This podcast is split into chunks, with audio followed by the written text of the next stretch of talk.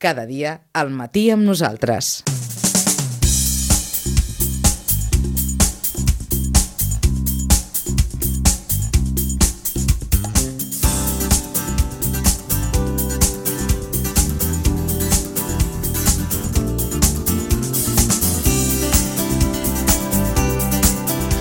Dos quarts d'onze del matí, per endavant, els minuts que segueixen ens han de servir per fer una mica de crònica esportiva del que ha donat de si al cap de setmana. Eh, cap de setmana post-carnaval. Home, hi ha hagut una miqueta de tot, però fent així un resum eh, ras i curt, eh, podem certificar diverses coses. El bon estat de forma del bàsquet Sitges, això d'entrada, amb dues victòries en els eh, partits eh, que van disputar divendres i ahir diumenge contra equips de Reus, eh, dues pallisses, eh, literalment. Eh, certifica també aquest cap de setmana esportiu mm, que els Sitges de futbol no passa ara per ara pel seu millor moment, perquè van queixar dissabte en el Prat la seva tercera derrota consecutiva. Certifica també que el Sitges B, eh, per contra, li té presa la mesura al líder, a la penya jove, perquè va ser capaç de tornar-lo a guanyar, en aquest cas ahir a les Roquetes, 2 a 1 a Iguadols, 2 a 3 ahir al camp de la penya jove. Certifica també que eh, tant el Club Patí Subursitges com el Rubi Club Sitges s'hauran de picar molta, molta pedra per evitar perdre categoria.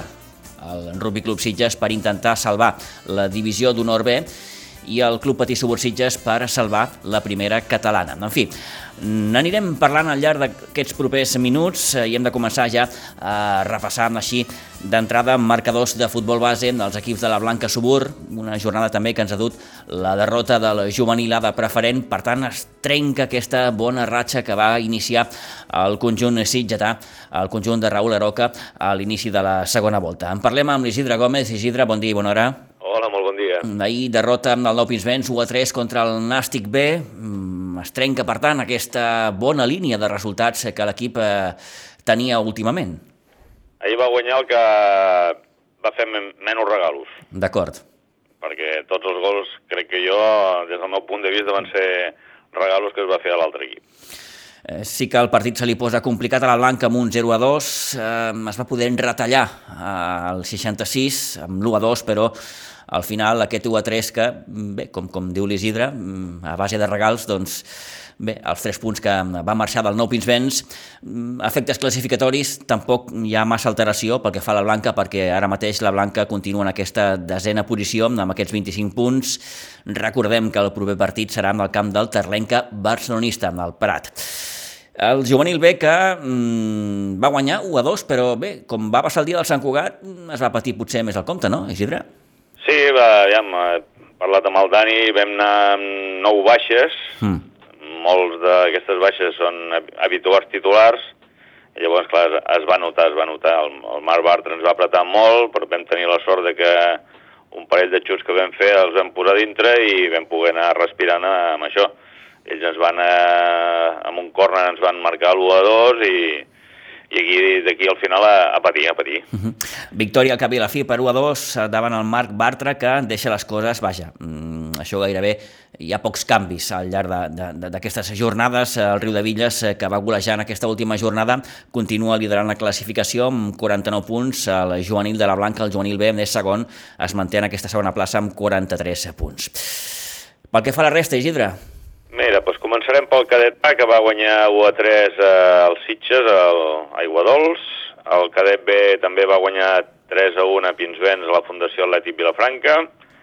En categoria infantil, a l'infantil A va empatar a 0 contra el Sant Mauro, a Santa Margarida de Montbui. A l'infantil B va guanyar Pinsbens 10 a 2 a l'Atlètic Cubelles A. I finalment el C va guanyar també a Pinsbens 9 a 0 a l'Atlètic Cubelles B. En categoria Alevin, a l'Alevin es va imposar Pinsbens 8 a 2 a l'Igualada D. El B va guanyar 2 a 6 al camp de la Terlenca barcelonista. El C va guanyar 2 a 7 al camp del Base Vilanova 2015 i finalment el D va perdre 2 a 5 a Pinsbens contra el Base Vilanova 2015A. I en categoria Benjamí, el Benjamí es va imposar 11 a 1 a Pinsbens contra el Cubelles C, el B va perdre 4-2 contra la Fundació Atlètic Vilafranca, allà a Vilafranca.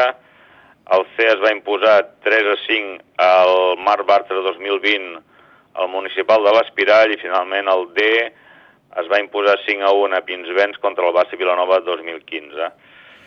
Aviam, mm, no ha anat malament la retornada al Carnaval, si no hagués sigut pel juvenil A, tenim 11 victòries, un empat i 3 derrotes. Ara t'ho anava a dir, mm, no pas mal. No, no, és a dir, els grans que diguen moltes baixes, temes de constipats, grips i mandangues, però... I, i, i Covids, varis. bueno, érem aquí. El carnaval, el carnaval deixa, eh, com, com diu, deixa pozo. Però bé, en qualsevol cas, una bona jornada en línies generals pel que fa als equips de la Blanca, com ens ha recordat fa uns moments a d'Isidre. Que vagi molt bé, senyor. Bona setmana. Gràcies a tots. Adéu. Adéu-siau.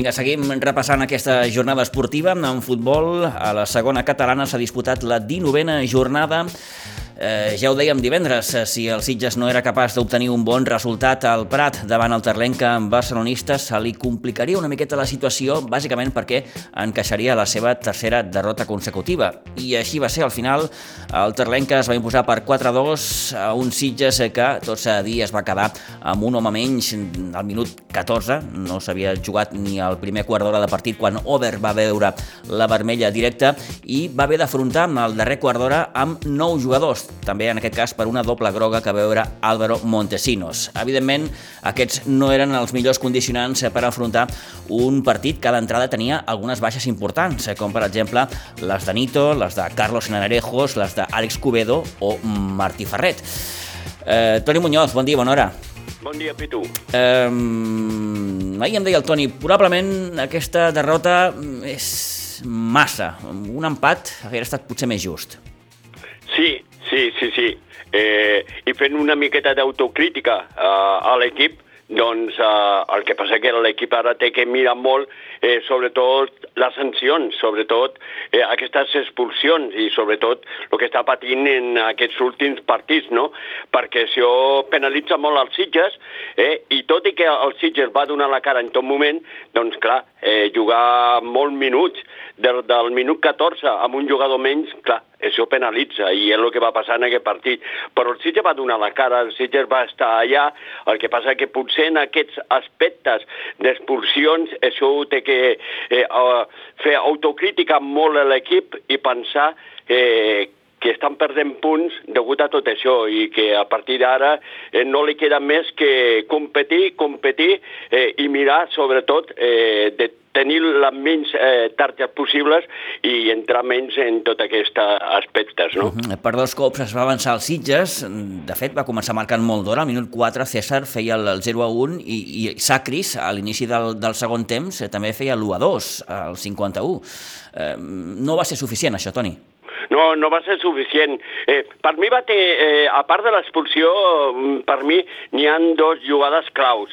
Eh, una és el minut 44, eh, perdó, sí, sí, el minut 40, 41, en una jugada en la que potser no està acertat del tot el porter Adrià Martínez, que debutava amb l'equip eh, tot el partit, perquè de fet Nito està sancionat. Eh, Adrià Martínez surt eh, del seu àrea i, i mira de refusar una pilota eh, amb una topada amb el delanter del, del Terlenca, no? L'àrbitre xiula eh, falta, una falta molt esquinada, el que passa que la llança molt bé de cara a Barraca i, i entre un cúmul de jugadors la pilota entra. Per mi és clau, perquè te marquen el al minut 41, quan el Sitges havia aguantat molt bé tota la primera part, i doncs aquest gol marca una miqueta eh, el desenllaç final. I després n'hi ha una altra jugada clau, per mi eh, molt important, perquè el partit lo tenia empatat el Sitges, 2 a 2, ells havien aconseguit un bon gol, eh, doncs, eh, que era el, el gol que feia al minut eh, 60 eh, Joan Mas Torres, eh, eh, un gran gol, era l'empat a dos, però eh, aquí es produeix en, fora de l'àrea una jugada en la que doncs, uh, Álvaro Montosinos entra uh, al delanter del, de l'equip del Terlenca, l'àrbitre xula eh, eh, falta i l'ensenya la segona groga a Álvaro Montesinos. Eh, clar, els Sitges queden nou jugadors i a més a més ells tenen l'oportunitat d'aquesta falta, una falta que llança molt bé el jugador del, del Terlenca, el jugador eh, Ricardo Arquero, llança molt bé i marca el 3 a 2. Eh, aquí podia haver fet alguna més també el porter, però doncs, la pilota pel ras entra i per mi és la clau, perquè ja te quedes amb un jugador menys, sobre te marquen el 3 a 2 i tot i que el Sitges va intentar a veure si podia arribar a nou jugadors a l'àrea d'ells, doncs al final el gol que marquen al minut 90 doncs ja diu tot, no? És anecdòtic perquè el Sitges eh, va fer un bon partit, però doncs aquestes dues jugades claus eh, lo van trencar a part de l'expulsió. Ara els comentem com queda eh, la situació dels Sitges a la taula eh, classificatòria, però escoltem, si els sembla, eh, les valoracions que feia l'Uri Sorrocha en conversa amb Toni Muñoz, valorant d'entrada aquesta qüestió de les expulsions. Marca moltíssim, és a dir, són, nosaltres mateixos hem generat aquestes expulsions, per tant no, no s'ha de dir ni que sigui injust ni no injust, és a dir, nosaltres mateixos en situacions que no ha de passar res, ostres, una pèrdua de pilota absurda que, que ningú comptava, doncs t'expulsen un jugador, com tu dius, doncs al minut 15 gairebé, mm. i, i això fa que bueno, hagis de remar un menys. Encara i així, el joc seguia sent nostre, la possessió era fàcil, perquè no ens apretaven gaire, i teníem ocasions, i ells no ens generaven moltes complicacions. De fet, després de l'expulsió hem estat més replegadets mm. i, i no tenien ocasions de gol clares. És cert que al final de la primera part una, una acció a pilota aturada que tant patim doncs ens fan un gol. I això doncs, abans és un, un cop de moral no? que diguéssim per l'equip adversari. I, i bueno, ja la segona part amb una altra expulsió doncs ja intenta salvar els mobles com bonament pots per, per empatar així de clar. I bueno, doncs es fa complicat, sembla, sembla no, que nosaltres mateixos ens fiquem traves, no? I, i bueno, això són coses que s'han d'eliminar si, si el que realment vols és l'ascens, perquè guanyar, guanyar partits és fàcil, és una prova de, de 100 metres, però guanyar una competició, una lliga, és una marató, i aquest, aquests errors es paguen cars. I tot i jugar amb un jugador menys, eh, molts minuts, acabar amb nou jugadors, dos menys, ells han marcat dos gols a pilota aturada, de falta. Mm -hmm. Vull dir que han tret molt de pretòlit de les faltes, d'aquestes faltes, eh, molt al costat de l'àrea. No? Sí, correcte. Nosaltres patim moltíssim. Jo penso que patim molt de, des de l'inici. Sempre tots els equips tenen un hàndicap, tots. De, des dels que són líders, els que pugen equips i fins als que baixen, tots tenen un hàndicap mm i nosaltres tenim aquest, que intentarem millorar-lo al màxim possible, però és cert que tenim moltes altres coses bones, que és el que ens fa estar dalt. Tot i això, vull dir, tot com ha anat el partit i això, també veniu aquí amb ausències significatives, eh, Nito l'expulsió, sembla que no, però Nito és un home amb molta experiència, no pas el porter que avui ha sortit, perquè doncs ve de nou a l'equip i tot, tot això ha marcat, no? tot això marca, no? Sí, bueno, més que el tema de la porteria, doncs també tenim el tema de Carlitos, Carlos, no? Carlitos que, que, bueno, que estava enxufadíssim últimament, que, que amb l'Àlex Cubedo, que està malalt, el Martí Ferret, que també està, està tocat, i bueno, teníem baixes molt significatives. És veritat que normalment apareixen a l'11 titular, i això també toca, però si més, si, si t'he de dir la veritat, els que sortien a jugar sé que sortien convençuts i, i podien treure aquest partit endavant. Tot i això, també els àrbitres filen molt prim als Sitges, no? sobretot a la segona per, la segona groga, no? Dius, hòstia, ja saps que en té una, clar, ja estem amb un menys, eh, tampoc, tampoc ha estat tan, tan, tan greu com clar, per una groga, clar, mm, clar, podia haver mirat cap a un altre costat, clar. en aquest cas, o mirar menys prim, no? Però, però bueno, ho ha fet i ja està, ens hem quedat, ja no és el problema de quedar-nos amb un altre menys al partit, és que la setmana vinent tindrem dos jugadors que no podran participar, i bueno, això merma. Bé, eh, tercera derrota consecutiva, a refer-se, eh, però no es ve la setmana que ve un rival també, vull dir, clau prou, eh? Clar, sí, sí, el Prat ve a casa i, i bueno, hem de treure els tres punts sí o sí. Això ho dic cada setmana i bueno, ara fa tres que no, que no les podem, no els podem aconseguir, per la raó que sigui, però no els aconseguim. Per tant, s'ha de canviar aquesta dinàmica ja. Eh, els jugadors eh, són una pinya, eh, això al vestuari fa que, que després a la competició o a les lligues eh, marqui la diferència i confio plenament en aquest equip i això ho tirarem endavant. Bé, doncs, missatge positiu de l'Uri Sorroche després d'aquesta tercera derrota consecutiva en una jornada, Toni, en què, bé, el Sitges no va ser capaç d'aprofitar el fet, per exemple, que el Sant Mauro eh, li tocava descansar. Eh, el Cubelles també va poder-se refer dels últims eh, resultats, fent-li un 5 a 3 al Sant Andreu de la Barca. Derrota, no sé si dir sorprenent, del Marianao a cara seva 0 a 2 amb el Sant Quirze. El Prat B, atenció, que és el proper rival dels Sitges, va guanyar 2-0 a, a un altre equip del Prat, el Prat Delta, eh, i el Moja, que li va fer un 7-2 al Montserrat Igualada. Recordem també que el partit Olivella-Òdena eh, es va ajornar. Sí, sí, sí, eh, una jornada en la que potser eh, el resultat més negatiu el dels Sitges, no? perquè el Covelles ha sumat tres punts molt importants. Eh, el Sitges eh, ara té un partit el diumenge de, de, de cara creu, eh, aquí sí que té que trencar aquesta dinàmica i guanyar el Prat, perquè en cas de, de perdre amb el Prat, el Prat li passaria per, per davant al, al Sitges, i això sí que és un problema, això sí que és un problema molt gran, perquè és el Prat, són equ- equips del Vall Llobregat, sense mirar res, eh, doncs eh, és un gran problema, eh, perquè veiem molt fort el Sant Mauro, eh, un Sant Mauro que descansava i tot i descansar doncs mantén el liderat, lo veiem molt fort, i el Sitges té que refer-se, té que guanyar el Prat, perquè per mi aquest partit és clar, si el Sitges és capaç de guanyar el Prat, es posarà a 5 punts una altra vegada del Prat, que potser és el rival per a mi més en tenir en compte, més que el Mariana Pobret, que és un equip que pot perdre punts com ja ho va perdre al seu camp. Doncs sí que és cert que, en certa manera, és un partit clau el que disputarà amb els Sitges aquest diumenge a Iguadols a partir d'un quart d'una del migdia contra el Prat eh, B. A tercera catalana, eh, bé, mm, ha quedat demostrat que, eh, Toni, a la penya jove no li van gens bé els derbis, eh? No, no, no, no. De fet, ha perdut tres derbis, eh? Sí, sí. Eh, I ahir el Sitges B que li va tornar a guanyar un partit. De fet, li ha guanyat els dos partits, tant el d'Aigua Dols com el d'ahir a les Roquetes. 2 a 3 en un partit que se li va posar molt bé, molt de cara al conjunt de Toni Salido, amb un 0 a 2.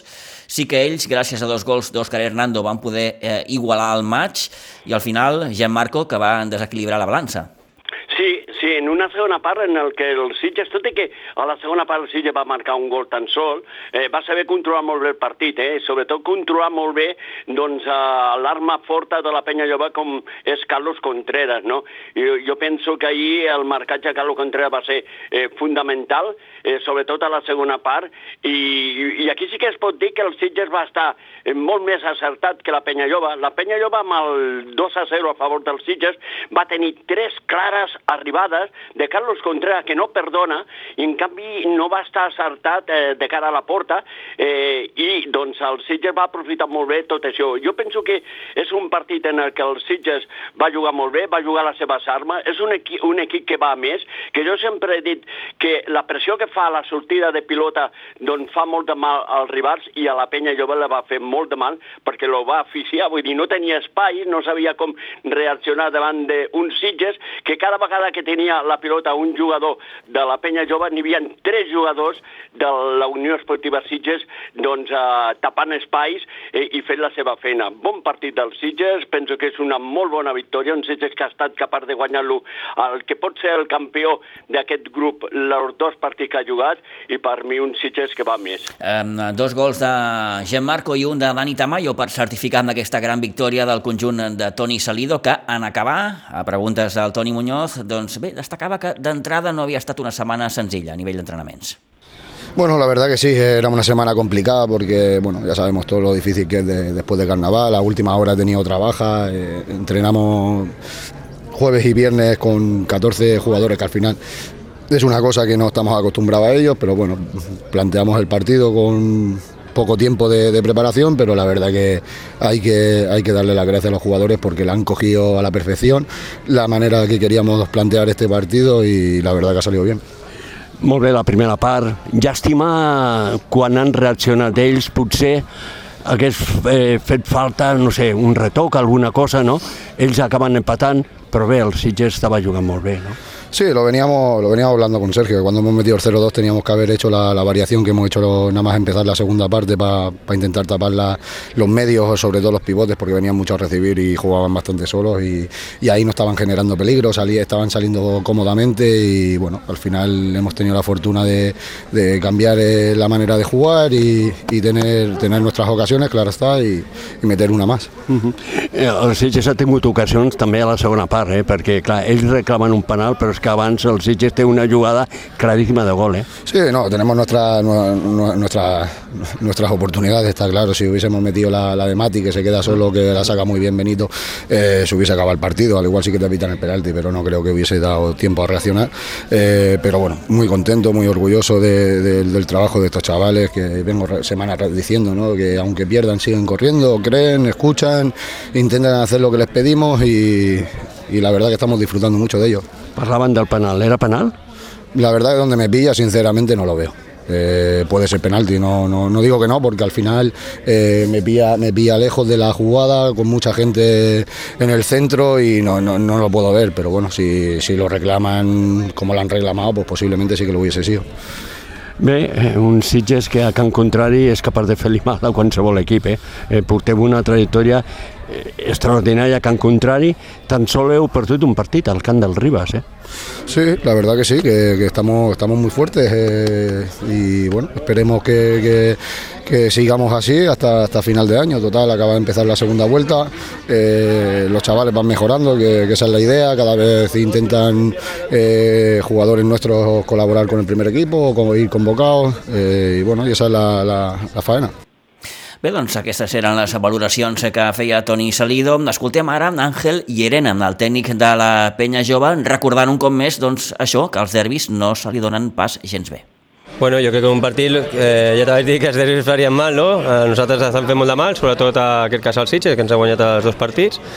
I bueno, un partit que crec que hem dominat a principi a fi, sí que el tercer gol ens ha fet mal perquè ha hagut una miqueta més de nervis, però hem dominat molt bé el joc i hem estat molt bé, sobretot la primera part, i crec que és un partit que ha guanyat el Sitges per eficàcia, no? perquè la primera part ha tingut tres ocasions de gols, al pal i dos gols, i la segona part ha tingut dos, una que salva molt bé el Benito i el gol. Al final el futbol és saber qui marca més gols i avui ha guanyat el Sitges per això, però per de més, llàstima perquè era un partit que no mereixíem perdre. I sobretot eh, per la recta final un penal que, que l'àrbit estava i inclús ens acaba de dir que, que l'ha vist però li semblava que estava apagada. I bueno, és una mica trist que al final marxem amb 0 punts, un partit que com a mínim teníem que haver empatat, aunque teníem que haver guanyat. Però si l'àrbitre reconeix que és penal, perquè no el xiula? Ho ho acaba de dir el mateix, que diu, eh, diu que, que sí que ha vist la mà però que li semblava que estava més, més pagada i l'ha donat continuïtat al joc, algo que no, no acabem d'entendre, eh, igual que ha expulsat el Sergio per aixecar la mà. Després sí que haurà hagut discrepàncies, etc, però el primer fet ha sigut per aixecar la mà. No, no, hi ha coses que no entenem, però bueno, al final ens quedem amb la sensació de que hem fet un bon joc, hem fet un bon espectacle, però marxem tristos perquè no, no hem guanyat, però m'ha més content amb el joc dels jugadors perquè hem fet el que treballem i m'ha més content. Un Sitges que ha estat capaç de guanyar els dos partits, eh? A casa i a casa vostra. No? Sí, ha guanyat els dos partits, i els dos partits per eficàcia, perquè allà també va ser exactament el mateix. Aquí amb una mica més d'espai hem pogut generar millor el nostre lloc, però, però bueno, al final sabem que també és complicat, també s'han reforçat amb gent de là, i, però això al final és el de menys. Al final veus el partit i veus que tenia que haver guanyat el partit perquè era molt superior. Queda un derbi, eh? eh? Perquè això de los derbis queda un, al Ribas, perquè mm, los de més ho teníem més que superat, però los derbis sempre ho fa una miqueta de mal, eh? Sí, és que un derbi que també serà molt complicat, però al final serà complicat tot, tot el que queda fins ara, no? perquè l'important no és estar a dalt, l'important és mantenir-se a dalt, i cada jornada a dalt al final és una pressió que també tenim nosaltres, que tenim que gestionar, i representa que estem a la jornada 4 de la segona volta, i és molt llarg, ha de vindre a Vilanova del Camí, tenim que anar a la Pobla, són partits complicats, la setmana que ve tenim el Torrellent, que també és complicat al seu camp, així que al final cada partit el tenim que lluitar i el tenim que treballar i sobretot fer el nostre lloc i fer les coses bé. Si al final tenim la sort, com la majoria de partits que entra la pilota, pues, aconseguiríem els 3 punts, però si no, pues mira, avui ens hem trobat a, amb un resultat negatiu. Això no s'escapa, home. No, no, Queda eh, molt de campionat, però teniu suficient avantatge perquè no s'escapi. Sí, però estem en una dinàmica també que ja vaig comentar al meu jugador, no? que al final no hem de mirar tant el segon sinó també els de més, perquè al final els de més també arriben i nosaltres tenim que intentar mantenir aquesta distància guanyant partits, no? perquè al final també nosaltres tenim... Eh, el nostre surrealista, el que no és normal és que portem aquesta ratxa de partits que només hem aconseguit eh, tres, de, eh, tres derrotes i un empat. Eh i llavors, bueno, eh, al final un líder al final té més, més punts que es deixa perdre i estem en una bona dinàmica però queda molt llarg, és molt llarg tot això i hem d'intentar no perdre aquests punts perquè si no es poden pillar, es poden pillar els de darrere. Si els de darrere punxen, doncs ja sí que mantenim aquesta distància, però sobretot tenim que controlar això, no? intentar mantenir aquesta distància que crec que serà important aquests pròxims tres partits. Doncs les declaracions d'Àngel Llerena, el tècnic de la penya jove, eh, no preocupat, Toni, però sí, en certa manera, eh, ressaltant el fet que, que queda encara molta lliga, sí que tenen aquest coixí de 7 punts respecte al Ribas, però vaja, tu també li preguntaves si li deies gairebé com una afirmació, no? Això no se li pot escapar a la penya jove. Clar, és que n'hi ha molta desconfiança, eh? Sí? Eh, porten 7 i 8 punts al segon i al tercer mm. eh, i no ho tenen clar, no? Ja. Eh, I després de tal com ha anat la primera volta, que ells han arrasat, l'únic problema que han tingut en la primera volta ha estat els dos derbis que han perdut, eh? Però en lo de més han arrasat. En canvi, doncs, eh, tu des de fora lo veus molt clar, però ells no ho veuen clar. Eh, jo penso que la derrota amb els Sitges eh, l'ha fet molt de mal, eh, perquè doncs, el el vestidor era un funeral i no entenc per què, perquè doncs, eh, demostrant el que han demostrat la primera volta, eh, la penya jove i amb la diferència de punts que porten vers al segon i al tercer, tenen que ser campions. Sí, vaja, eh, ara mateix costa creure eh, que la penya jove no serà nou equip de segona catalana la temporada que ve. Sí que pot passar... Mm, moltes coses, perquè tot just com, com, com recordava Àngel Llerena, només portem quatre jornades de la, de la segona volta i encara queda molta, molta, molta tela per, per tallar. Eh, una jornada, Toni, que ens ha deixat eh, un altre derbi, eh, el Ribas Atlètic Vilanova amb victòria del conjunt de Cigor Bengoa, 0 a 3. Eh, ara per ara, aquest Atlètic Vilanova té més pinta de cada segon que no pas el Ribas. Sí, sí, sí, sí, sí perquè l'anar molt bé, el, el fet de la nova incorporació, l'entrenador, el nou, el Sigor. A partir de que ha arribat el Sigor, l'equip juga molt l'equip. Té un bon equip, eh? L'Atlètic Vilanova ja tenia un bon equip des del principi, era un clar candidat aquest any també, el que passa que la circumstància va fer que l'equip doncs, perdé una sèrie de partits. Ara portava, mira, eh, si contem el partit del Ribas, portava tres derrotes consecutives, eh, l'Atleti Vilanova, i el partit que té el dissabte amb el Rodevilles, o el diumenge al matí amb el Rodevilles, doncs eh, dissabte, dissabte jugaran, doncs era la, la quarta derrota consecutiva del, del Atleti Vilanova. Clar, tot això ha canviat molt amb Sigos Bengoa, eh, porten vuit eh, victòries consecutives i un empat, el de la Penya Lloba. Clar, és, ara fins i tot estan pensant més allà, no? És molt complicat treure el primer lloc a la Penya Lloba, eh, però van per totes, eh? I el segon lloc, per mi, lo tenen més clar que el Ribas, eh? Penya Jove que continua líder amb 49 punts, Ribas segon amb 42, Atleti Vilanova, com dèiem, tercer amb 41 punts, el Vilanova del Camí, que en aquesta jornada es va desfer 2-0 del Piera, manté aquesta quarta plaça i el Sitges B cinquè amb 38. Per tant, tot bastant apretadet si, si exceptuem aquests 7 punts que allà entre la Penya Jove i el Ribas, entre el líder i el segon classificat. Recordem que amb el Sitges B, Toni, eh, té un altre derbi interessant aquest dissabte que ve a Iguadols contra el Ribas, eh?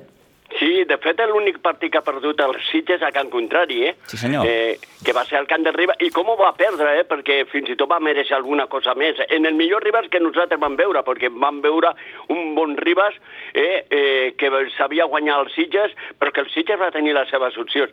Al municipal canvia molt les coses, tot i que eh, ha millorat molt el Sitges jugant al municipal, i esperem veure un bon partit i ho tindrà bastant bé. Si el Sitges juga com va jugar davant de la Penya Lloba, ho tindrà molt complicat el Ribas. Doncs la cara i la creu. La cara, òbviament, aquesta victòria del Sitges B 2-3 al camp de la Penya Jove de les Roquetes i la creu, com dèiem, la derrota del primer equip eh, 4-2 al camp del Terlenca barcelonista. Ens ha ajudat una setmana més a fer crònica futbolística de la jornada Antoni Muñoz. Toni, moltíssimes gràcies. Bona setmana.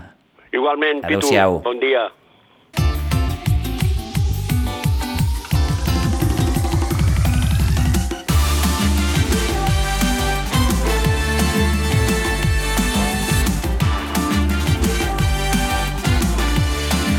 Vinga, anem al bàsquet perquè eh, si una cosa tenim clara és que ara per ara el bàsquet Sitges gairebé no té rival.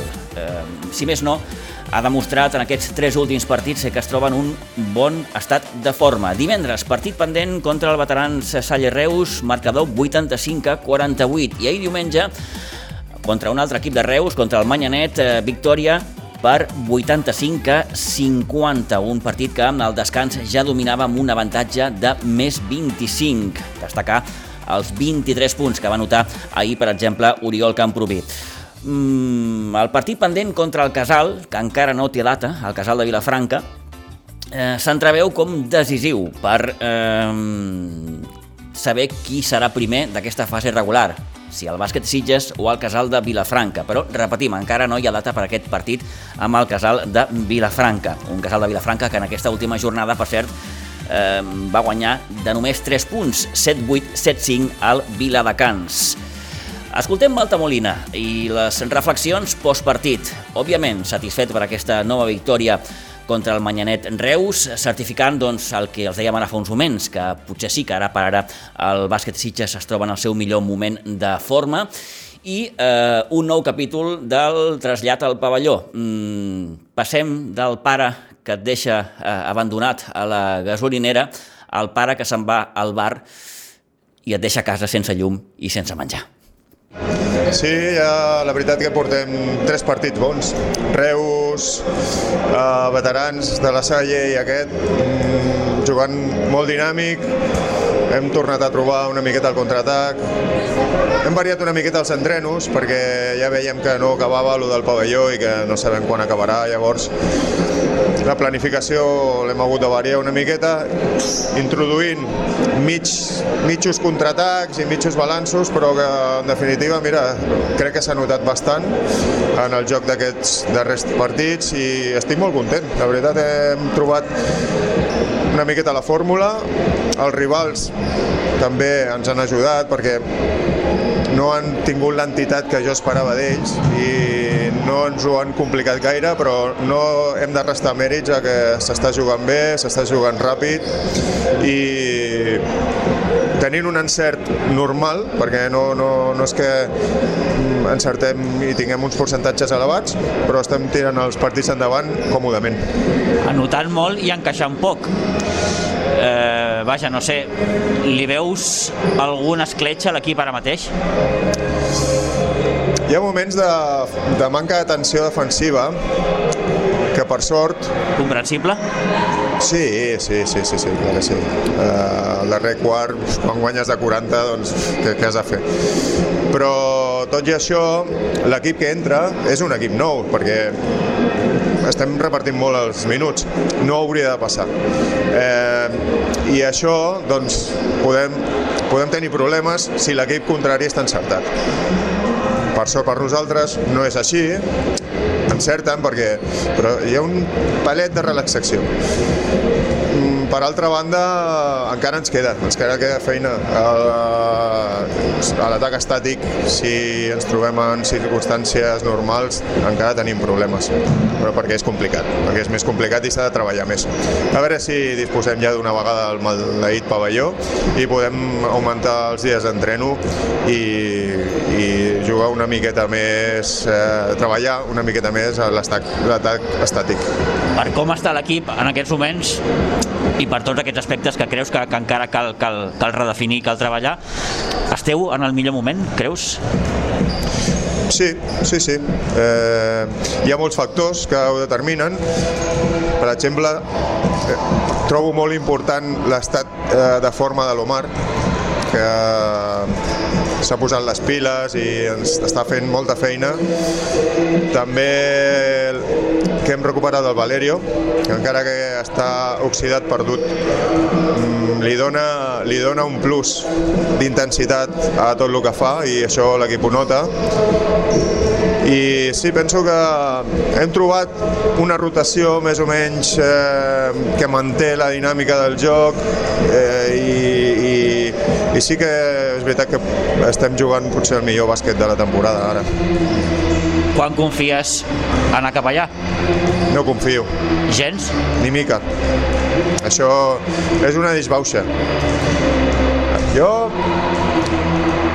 Imagina't que el teu pare et deixa a casa sense llum i sense menjar i se'n va al bar. Doncs això és el que estem passant nosaltres. El pavelló està acabat, eh, podíem estar allà fa dues setmanes, jo he seguit les obres i s'han passat més temps sense fer coses que fent coses. I aquí nosaltres mos de riure, el patinatge sense hores, eh, tinc partits aplaçats al casal que no puc posar perquè jo mai disposo d'una pista sencera. És una vergonya. Ja, així ho deixo, és una vergonya. Eh, si tot va com hauria d'anar, el mes que ve ja podríeu disposar, no? Ya le traslado esa pregunta al señor regidor. Yo no ho sé, jo què sé, no ho sé, no sé què falta, no ho sé. Eh, L'Ajuntament només que fa que emetre comunicats, hauríem d'haver estat allà al Nadal, no ha estat al Nadal, després el 15 de febrer, no ha estat el 15 de febrer, després el 28 de març, no ha estat el 28 de març, jo què sé, Pitu, no ho sé. Torno a la part esportiva. Eh, per tal i com s'està desenvolupant la temporada, creus que el partit amb el Casal aquí, que encara no té la data, pot ser definitiu? Sí, sens dubte, sí. Eh, ens jugarem a la primera plaça, aquest partit. Sí, sí, sí. Clar, a veure, encara hem de jugar dos vendrells, ojo, Salou, ojo, Salou és un equip, ostres, jo per mi un dels més complets. Aquesta lliga és molt igualada. Mm, estem jugant molt bé, ho estem gaudint i potser la setmana que ve a la selva, Mata Gigantes, caiem jugant bé o, o com sigui, no? Bueno, eh, partit a partit perquè no ens ho podem plantejar d'una altra forma. Eh, I no sé, sobretot intentar doncs, mantenir aquest bon joc. Si després resulta que no les fiquem i, la, i el contrari les fica, doncs aplaudir. El Casal és un equipàs i juga molt bé i, i bueno, el, que, que haig d'explicar dels partits que hem jugat, no? Eh, a mort. Mm, tan merescut penso que serà si nosaltres quedem primers com que quedin ells perquè mm, penso que tothom en aquesta lliga treballa per això, però en concret el Casal i nosaltres que, som, que ens coneixem, doncs la feina penso que és bona.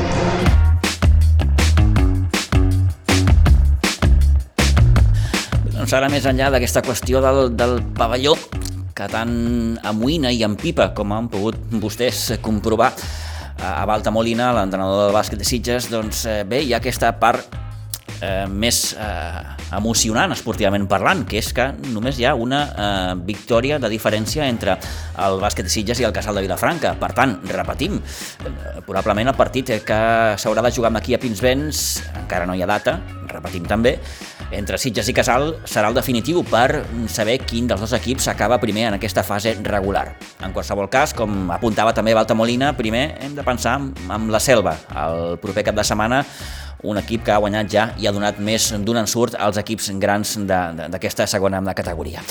Um, de la jornada de bàsquet també destaquem la derrota del sènior B que va perdre 50-42 en la seva visita amb el bàsquet pretenc. També va perdre amb el sènior femení, amb el derbi jugat ahir 24-58 amb el Ribes i també destaquem el júnior, el júnior que s'està jugant la primera plaça amb la Gramenet. Eh, dissabte va disputar un partit que es va haver de decidir a la pròrroga amb el Martinenc, que al final victòria del júnior del Sitges per 68 a 67 i dissabte a la tarda el partit clau, el que hauran de jugar a la pista precisament del Gramenet. I acabem amb apunts d'hoquei patins i de rugby. En hoquei patins eh, s'ha començat ja a disputar amb aquesta lligueta de permanència primera catalana amb la derrota del Club Patí Subursitges que va perdre 2 a 1 en la seva visita a la pista de l'Espanyol. Un partit de bones sensacions, però mal resultat. Derrota que ara mateix deixa l'equip en zona de descens. Recordem que baixen els tres darrers classificats i ara ara mateix el Club Patí Subursitges és tercer per la cua. Dissabte, partit molt, molt important. Cada punt serà molt important en aquesta fase decisiva de la temporada. Partit contra el Montbui a Pinsbens a partir de les 6 de la tarda, com dèiem, aquest dissabte. Eh, Resta pendent, recordem, el partit contra el Sant Just, que es disputarà el dia 20 de març al migdia, aquí a Pinsbens. Dels equips de la base del Club Patí Subursitges, eh, recordar que l'Aleví va empatar 4 a 4 amb el Corbera, que el Benjamí va guanyar 4 a 1 al Sant Just i el prebenjamí que era l'únic que jugava fora, va guanyar 0 a 4 a la pista del Congrés. I acabem en rugby, perquè el Rugby Club Sitges es va quedar, com es diu en aquests casos, a un pas de poder rascar quelcom important de la seva visita a la Fuixarda davant el Gòtics. Finalment va perdre el Sitges per 30 amb la 28. Els sitgetans eh, que van fer un total de 5 assajos van anotar eh, Jacob Martínez, eh, Jesús Moratalla, Hugo Pablo, Hipólito Betty i Noah Canepa, que més va fer quatre transformacions d'assaig. Ara mateix aquesta derrota deixa el Rugby Club Sitges tercer per la cua, amb tres victòries. El proper partit, sens dubte, un repte majúscul, el del Fènix de Saragossa, el dia 19 de març, aquí al Nou Santa Bàrbara. Una jornada que ens deixa la victòria del Sub-18, 50 a 0 es va imposar amb l'Hospitalet, el Sub-16 que també va guanyar el seu partit amb el Tarragona, 36 a 27 i el sub-14 que va guanyar 51 a 24 al Club Natació Poble Nou.